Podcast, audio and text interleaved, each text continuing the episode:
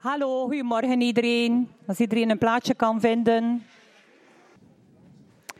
We gaan, we gaan als, uh, als muziekgroep ons best doen, want uh, de coronamaatregelen zijn zo. Wij mogen hier wel zingen voor een volle kerk, maar we mogen niet repeteren. Dus een rare maatregel, maar ja, we moeten er ons aan houden. Dus uh, bij deze, als er iets fout loopt, we hebben nu een beetje vroeger gestart vanmorgen voor uh, toch een klein beetje op elkaar afgestemd te zijn. We gaan ons best doen.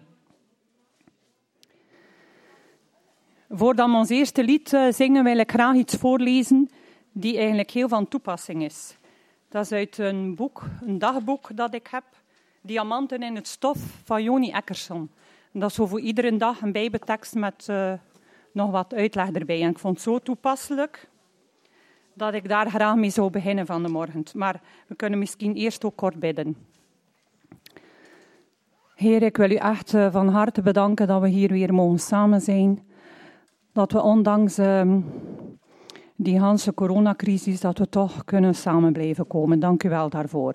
En ik wil u echt bidden, Heer, dat het voor een ieder die hier nu is, tot uh, zegen en opbouwing mag zijn. En dat we u ja, mogen aanbidden, Heer, met hart en ziel.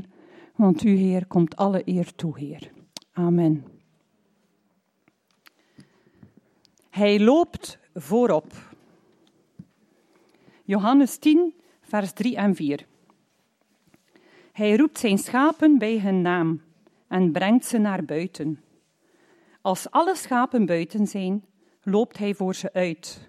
Ze volgen hem omdat ze zijn stem kennen. Heb je wel eens het gevoel gehad dat je een eind voor God vooruit loopt, zoveel dat de week vordert? Je loopt tegen een beproeving op. Je weet wel uit de Bijbel dat God alles voor jouw bestwil gebruikt, maar op de een of andere manier heb je het idee dat Hij ergens achter je loopt, met een blik en een veger in de hand, om jou en jouw problemen op te ruimen. Of misschien stel je het zo voor dat God een eindje terug is blijven staan, met een tubeleim om jou in stukken gebroken leven weer aan elkaar te zetten. Of zie je het zo dat hij met een hamer en spijkers achter je aanloopt, klaar om de hele boel weer aan elkaar te timmeren als de boel uit elkaar valt. Als je denkt dat het Gods belangrijkste bezigheid in jouw leven is, om achter jou aan te lopen en je een touw toe te werpen als je in het drijfzand wegzakt, dan is het misschien goed om de tekst van vandaag uit je hoofd te leren. Een herder loopt nooit achter de kudde aan. Hij gaat voor ze uit. Jezus heeft zelf gezegd dat Hij voor ons uitloopt. Hij baant een rechte weg en brengt het pad in kaart. God wordt nooit verrast door jouw beproevingen. Hij duwt je nooit voor zich uit, terwijl hij met een blik en veger achter je aanloopt. Hij loopt voorop. Of eigenlijk omgeeft God jou aan alle kanten, van voren, opzij, achter. Eigenlijk omgeeft hij jou langs alle kanten. Zoals Psalm 139, vers 5 en 6 zegt. U bent bij mij, naast mij, voor mij, achter mij. Uw hand rust op mij. Het is voor mij onmogelijk dat te begrijpen. Het is zo wonderlijk, zo hoog. In de Bijbel staat er als de laatsten zullen de eersten zijn. Het is precies altijd tegenovergesteld. Ja? En bij het liedje ook. De Heer Jezus die is niet geboren in een groot paleis. Maar je is geboren in een stalletje, want er was nergens plaats voor hem. In een stalletje, ver in de weide. Ja, met niet veel comfort. Niet met de chicste kleren. Zo is het bij de Heer God. Gaan we samen het liedje zingen? Oké.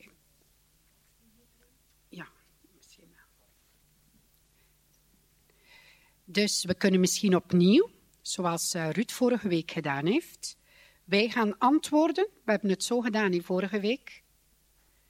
Ja, dus de kindjes gaan antwoorden. Ja, en hier het koor vooraan, die gaan de vraag stellen. Ja, zijn jullie allemaal mee? Ik wil jullie goed horen hoor. Ja? Of komen jullie liever vooraan? Kom aan, kom aan. Ik wil de kindjes zien. Kom aan. Kom. Zo. Hoor. Kom maar bij mij. Wacht, ga mee. We gaan samen. Kom maar hier allemaal. Kom, kinderen, je mag naar hier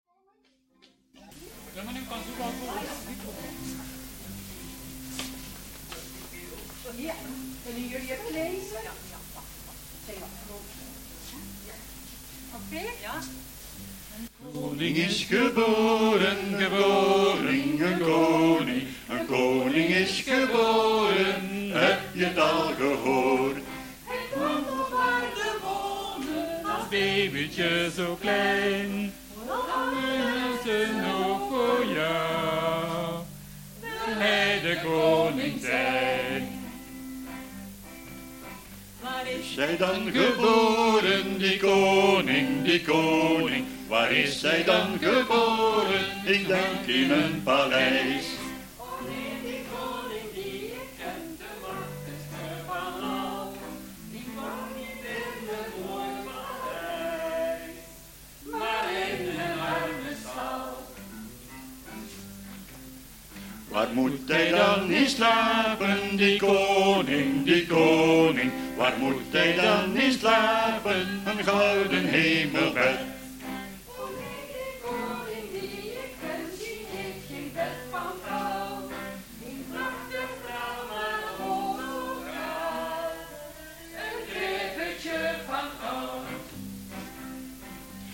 Draagt hij dan voor kleren, die koning, die koning? Wat draagt hij dan voor kleren, een jas van hermelijn?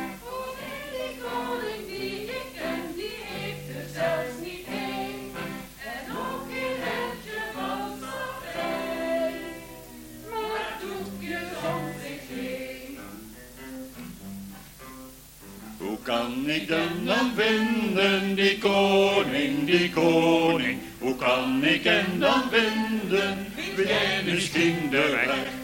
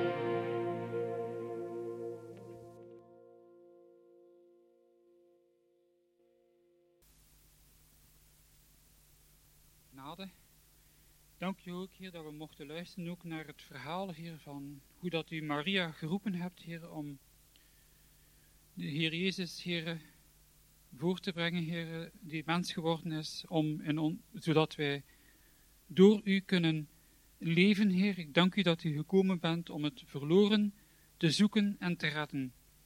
En Heer, ik wil u danken, Heer, dat met de periode van de kerst, dat wij daar speciaal mogen stilstaan, en eigenlijk staan we niet alleen maar stil bij de eerste komst, maar voornamelijk denken we, zien we uit naar uw wederkomst. Ik dank u ook, Heer, voor uw rijkdom en genade. Heer, ik wil u ook bidden voor de, voor de mensen, Heer, die met, met de kerstperiode ook misschien eenzaam zijn, Heer, of mensen die in armoede leven.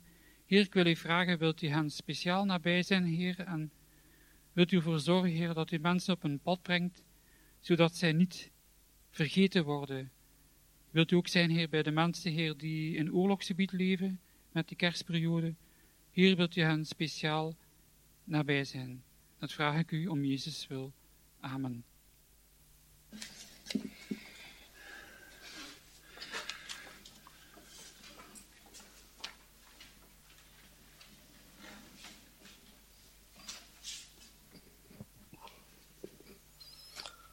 Het is nog altijd fijn om samen te komen. We mogen nog altijd samenkomen, dat dat goed is. Twee jaar geleden was er een lockdown, compleet. Nu, in ieder geval, we gaan het vandaag hebben over eh, de eenheid van de kerk. En we gaan het hebben over geestelijke gaven. Ehm, en daarvoor gaan we kijken naar de brief van Paulus aan de Efeziërs. We gaan samen lezen. Um, Efeziërs hoofdstuk 3, vers 14.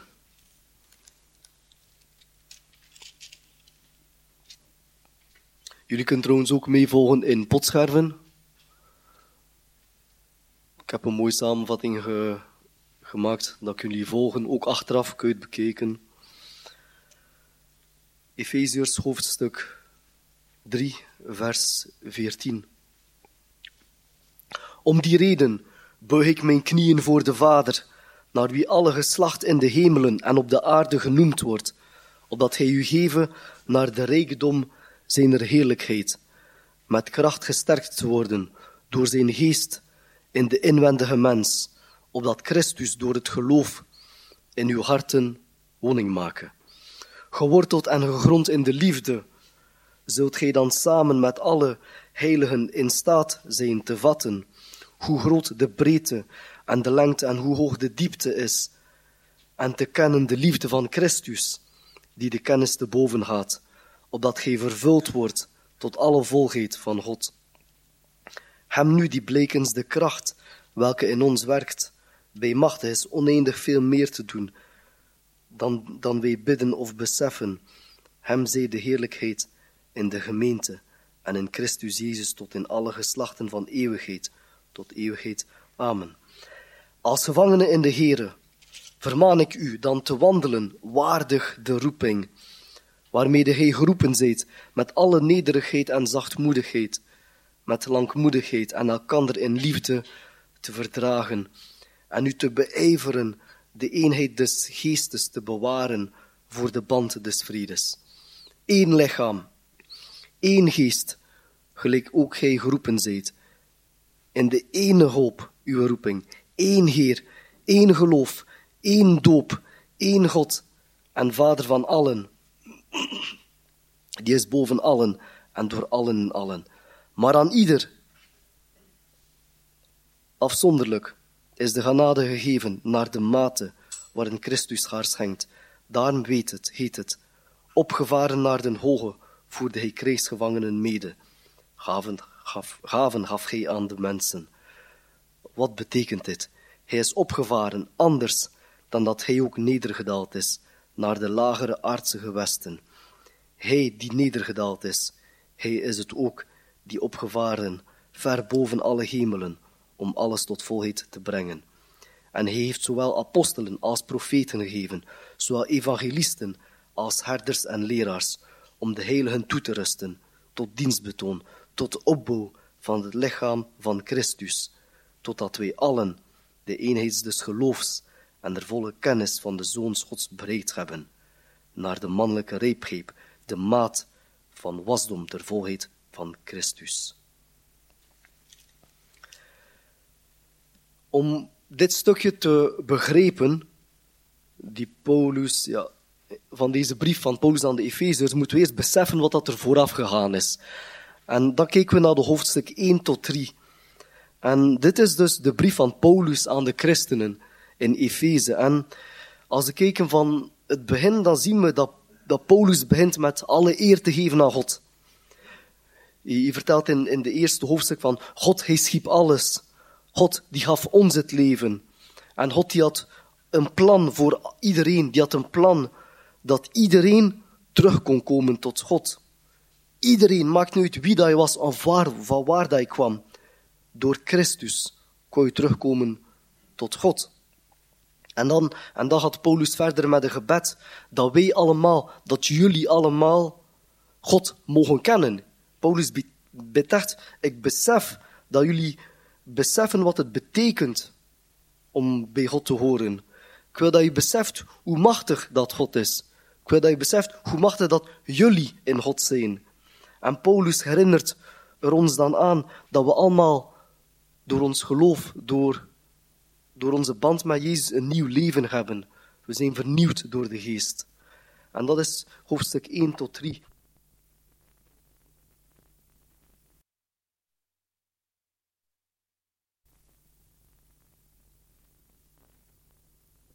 Ja, dingen die we hebben gekregen van God om hem, om hem te dienen. Dus het eerste stuk is de kracht om vooruit te gaan, waarvoor dat Paulus bidt. Dus dat hebben we net gelezen en wat lezen we dan? Het is, het is een heel stukje tekst, maar Paulus in, deze, in dit gedeelte bidt dan, ik bid voor de kracht van God door zijn geest. Dus hij bidt eigenlijk dat we allemaal kracht mogen ontvangen door zijn geest. En als wij allemaal vooruit willen gaan, als we God willen kennen, als we God willen dienen, dan kan het enkel door Gods kracht. Het kan enkel door zijn leiding, door zijn wijsheid. Dus dat betekent, we kunnen het niet uit onszelf. Paulus begint daarmee. Ik bid dat jullie de kracht krijgen, maar ik wil dat je beseft dat je het niet uit jezelf kunt. Het komt van God. En iedereen krijgt het. Iedereen krijgt het. Die het geloof heeft in Christus. En dan bij het tweede punt van, ik bid dan ook dat, dat jullie een geloof hebben, zo groot, dat Christus in jullie woont, in ons woont. Dus nadat we de, beseffen dat we kracht hebben van God, dat God alles doet, dan bidt hij dat, dat we een geloof hebben, zodat dat Christus in ons woont. Het is de geest die ons kracht geeft. Maar door ons geloof, door onze overtuiging, door ons aanvaarden dat we horen bij God door Christus, komt Jezus in ons. En dit geloof zorgt ervoor dat we een nauwe band krijgen met God. Dat geloof zorgt ervoor dat we meer en meer op Jezus gaan lijken. Dat we aangeraakt worden diep van binnen. En doordat we aangeraakt worden diep van binnen, verandert het ons. Het, geeft, het, het verandert ons leven, het heeft invloed op ons leven en het heeft invloed op het leven van mensen rondom ons. Dus Paulus bidt voor de kracht van de geest, dat we beseffen dat van God komt. Paulus bidt dat we geloof hebben, zodat we binnen Jezus hebben in ons. En dan gaat hij naar een derde punt, is ik bid dat jullie de liefde, ik bid voor de liefde, dat je beseft wat dat die liefde betekent. De liefde van God, die de kerk krachtig maakt. Wanneer dat wij beseffen hoe groot de liefde is van God, dan zijn we geraakt door die liefde. We beseffen dat we tot God mogen komen door die liefde, doordat Jezus zei van, hé, hey, jullie mogen tot God komen. Want ik heb jullie lief en ik neem al jullie fouten op mij. En alle excuses dat je zou mogen hebben om te komen tot God, ik heb het op meegenomen.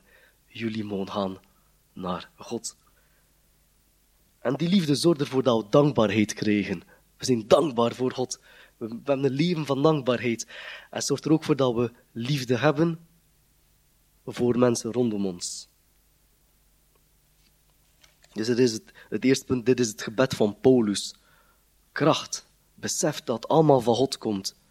Ik wil dat jullie geloven hebben dat Jezus binnen jullie, jullie leven verandert. Ik wil dat je beseft wat dat die liefde is van God. Dat je liefde hebt voor mensen rondom jullie. En dan gaan we verder naar het tweede punt. Dit allemaal om God te dienen en om mensen bij Hem te brengen. En op welke manier gaan we God dienen? Op welke manier moeten we mensen bij God brengen? En daarom spreekt Paulus over de gaven dat we allemaal ontvangen hebben. Jullie hebben allemaal gaven ontvangen. Maar voordat hij het heeft over gaven, heeft hij het over eenheid van de kerk. Paulus heeft het in dit gedeelte over de eenheid. We zijn allemaal samen. We zijn samen één, maar hij heeft het ook over diversiteit. Jullie zijn allemaal verschillend. Er zijn verschillende gaven. Er zijn verschillende bedieningen. En als we het hebben over gaven, dan denken we over, zoals ik zei, over bedieningen, over taken die we eventueel kunnen hebben in de kerk of taken in de wereld. Maar het gaat echt ook over mogelijkheden. Wij allemaal hebben gaven gekregen, jullie allemaal. Dat zijn mogelijkheden in uw leven. Dat is, dat, is, dat, is, dat wijsheid dat je hebt gekregen, dat is kennis dat je hebt gekregen. Je hebt de roeping gekregen. Alles wat je kunt, alles wat je weet, dit zijn gaven die je hebt gekregen van God. En wat dat ook is, het maakt niet uit. Je hebt het allemaal gekregen van God. En voordat Paulus begint over al die gaven te spreken en over al die mogelijkheden dat wij allemaal hebben gekregen, heeft hij het eerst over eenheid. Heb je het gemerkt op een bepaald moment, rond vers 8 tot 10, in, uh, in het vierde hoofdstuk heeft hij het over één lichaam. We, we, we zijn één lichaam. We hebben één geest. We hebben één redding. We hebben één God. We hebben één geloof. We hebben één doop. We hebben één Heer. Hij heeft het over één. Eén. Één. Het is, alsof hij het eerst wil, wil induwen bij jullie van, besef eerst, we zijn één in alles.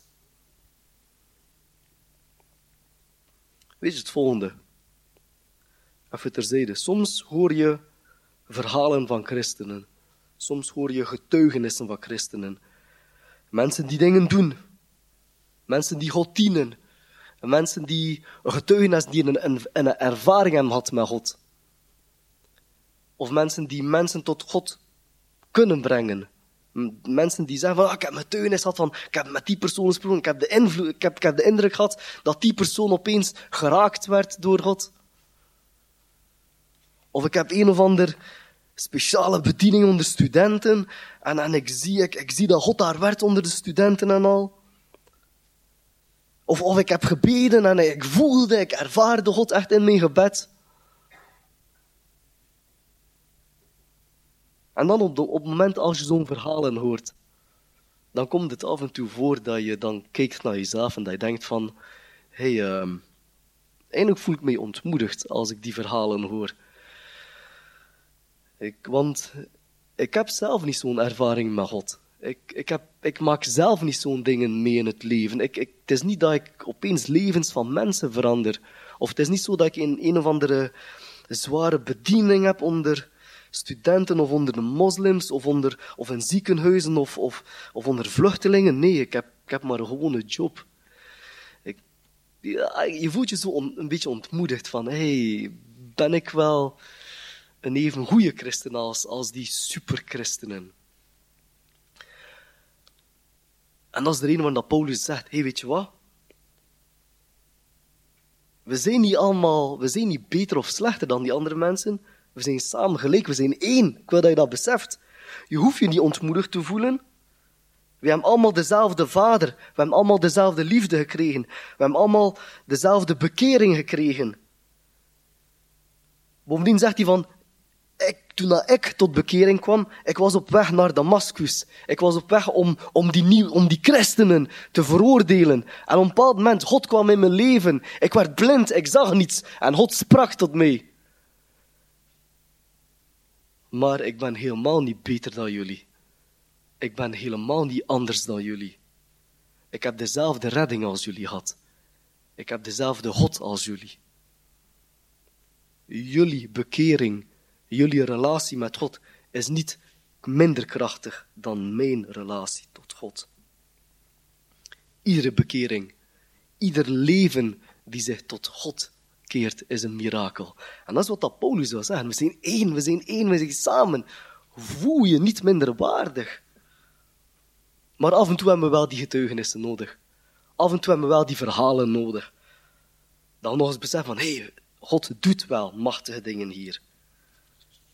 Maar ieder verschil tussen christenen, in bediening, in karakter, in gaven, in bekering, is iets kleins. Dat is wat dat Paulus mee begint. Een simpel voorbeeld. Ik geef het meestal wel mee, maar de meeste van ons zijn ouders. We zijn ouders, we zijn grootouders en we beseffen, we hebben kinderen. Sommigen hebben twee kinderen, sommigen hebben vier kinderen, anderen hebben er vijf of zes, zeven kinderen. Maar als ouder, of zelfs als grootouder, heb je allemaal evenveel liefde, evenveel zorg voor die kinderen, ook al zijn ze verschillend. We hebben elkaar nodig. God heeft jullie allemaal nodig. En het is goed dat we verschillend zijn. Kom bij het volgende punt, de gaven. Dus nou wat Paulus het heeft over één, één, één, gaat hij verder over aan ieder afzonderlijk is genade gegeven en gaven door Christus. Iedereen, echt iedereen die geloof heeft, heeft gaven gekregen van Christus. Het volgende, de eenheid is goed. En als Paulus het heeft over eenheid, dat jullie samen één zijn, heeft Paulus het niet over eenvormigheid. Eenheid betekent dat we één zijn, dat we samen horen. Maar het is niet eenvormigheid. Dat betekent, we dragen niet dezelfde kleren, we zien er niet hetzelfde uit, we hebben niet dezelfde studies, we gedragen ons, we, we spreken niet op dezelfde manier. Daarover gaat het niet. Het gaat over dat we samen één lichaam zijn. En het leuke ervan aan dat ene lichaam is dat wij allemaal verschillend zijn. En die verschillendheid zorgt ervoor dat we samen één lichaam kunnen vormen. Of één kunstwerk. Ah, ziet dat? Ja. Als wij allemaal hetzelfde waren. Als we er allemaal hetzelfde uitzagen. Als we allemaal hetzelfde deden. Denk niet dat, dat we als kerk vooruit zouden gaan. Ieder van ons heeft een deel van God in zich. Ieder van ons reflecteert een deel van God naar de wereld. En het is onze leven samen. Het is alle kerken samen. Het is alle christenen samen. Van het begin van der tijden tot aan het eind der tijden. Al die christenen samen. Dit is de kerk. Dit is het lichaam van Jezus. Dit is hoe dat wij de wereld tonen. Hoe dat God is.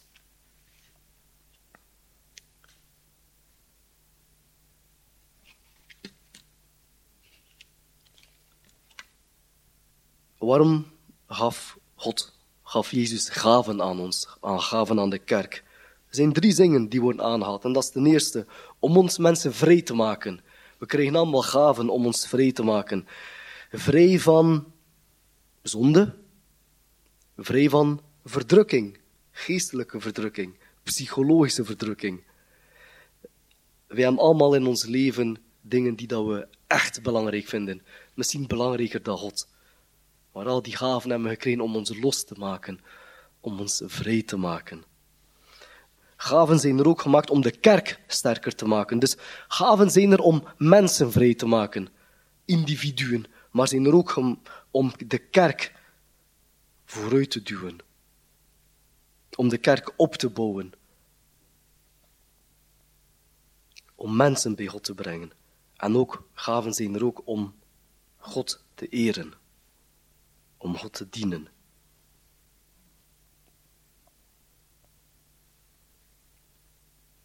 Gaven zijn er om ons te veranderen, om de kerk te veranderen, om God te dienen en om de wereld te tonen wie dat God is. Het is wij, het is de kerk die toont wie dat God is.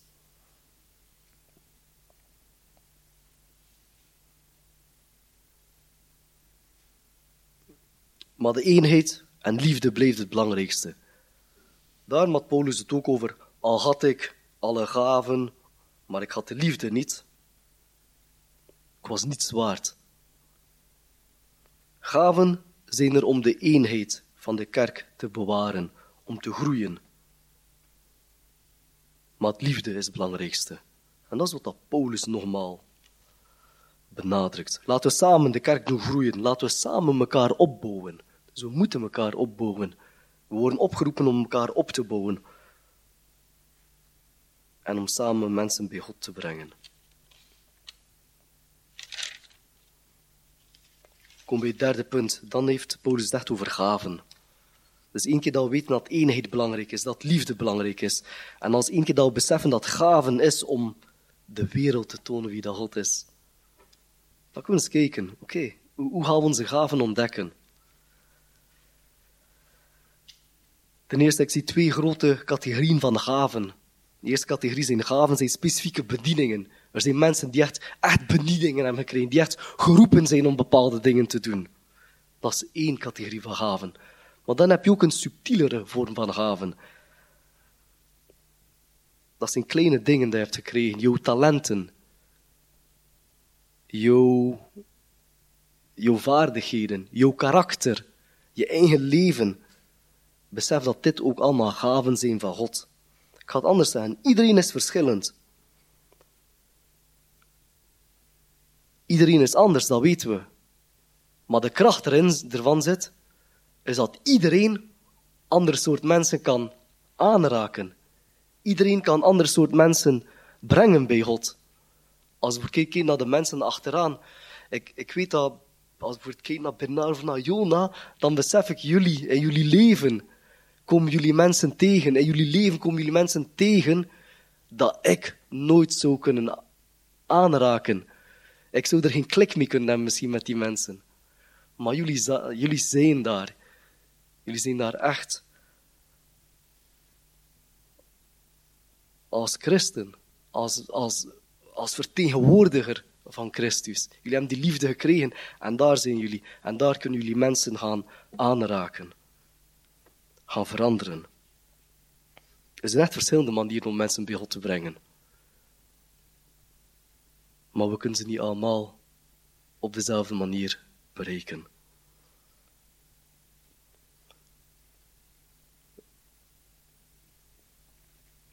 We gaan eens kijken hoe dat we kunnen ontdekken wat onze gaven zijn. Heel kort, heel algemeen.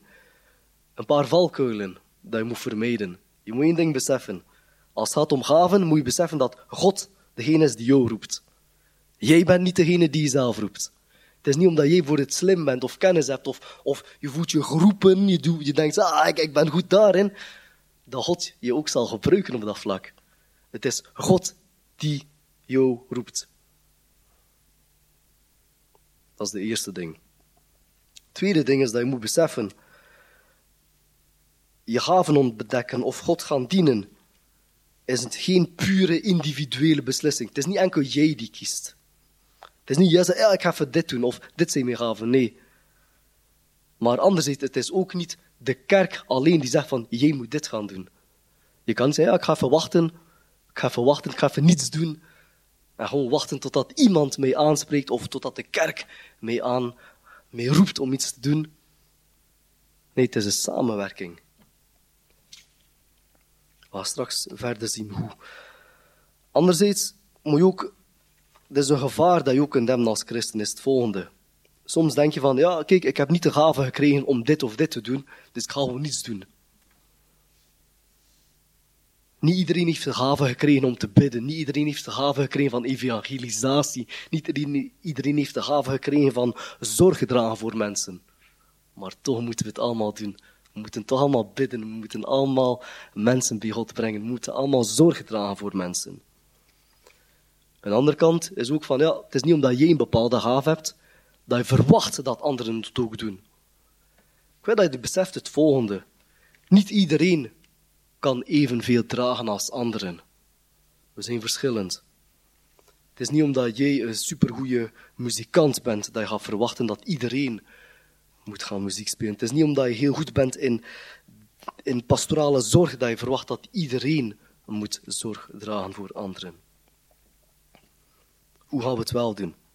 Wij als kerk, we zijn hier samen. We moeten samen mensen gaan bemoedigen. We moeten samen mensen gaan hoop geven. Mensen gaan vooruitduwen. Mensen aanmoedigen. Om andere mensen aan te raken. Als individu, tweede punt, is dat je het verlangen moet hebben. Je moet, je verlangen nagaan. Heb je een bepaald verlangen in je leven dat je wilt doen? Heb je een bepaalde manier of bepaalde mensen op je hart dat je hebt? Je moet dat verlangen achterna gaan. En de kerk bevestigt. Het is een samenwerking tussen wat dat jij wilt, wat dat jij denkt, en wat dat de kerk denkt, wat dat de kerk wil. Het is jij en, jij en de kerk, we zijn één.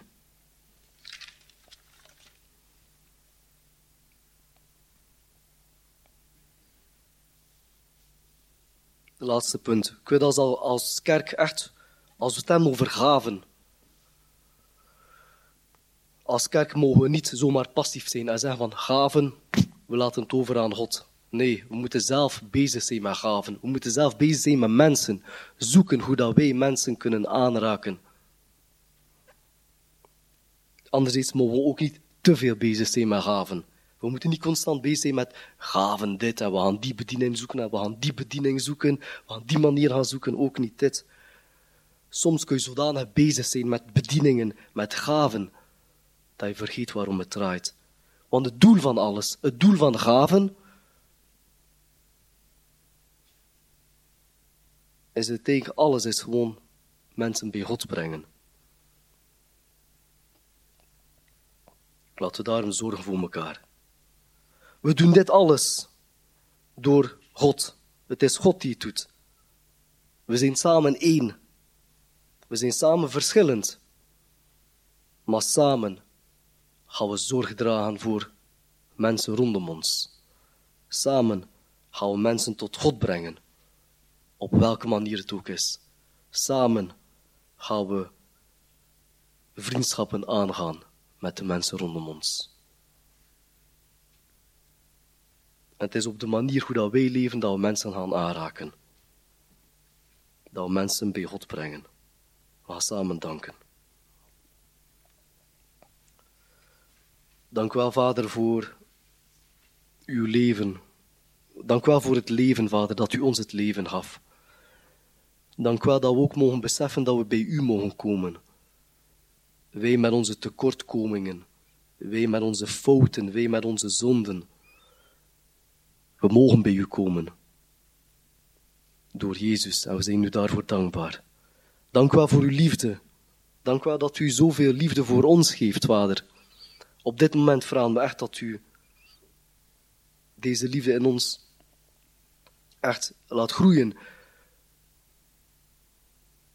En dat we op die manier zorg mogen dragen voor elkaar. En zorg mogen dragen voor anderen, Vader. Dank u wel, Vader. Amen. Dank Thomas. Voor het laatste lied uh, rechts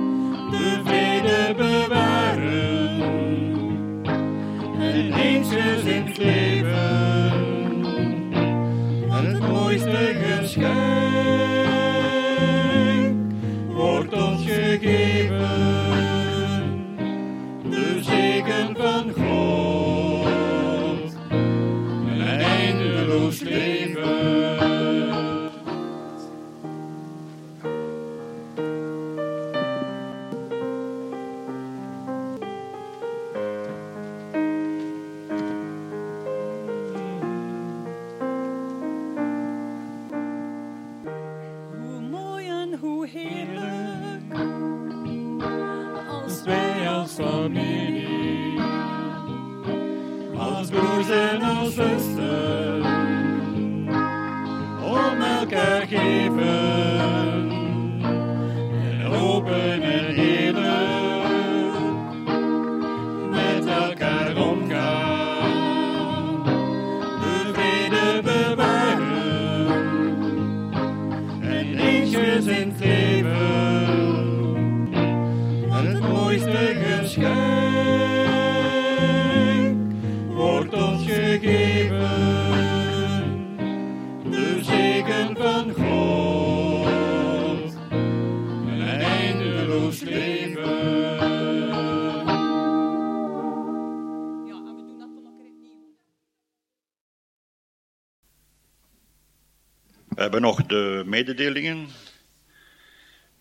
in postscherven le- lezen. Ik wil er twee uithalen. Bij de gebedspunten lezen we dat eh, voortaan de persoonlijke gebedspunten eh, twee opeenvolgende weken in potscherven worden vermeld.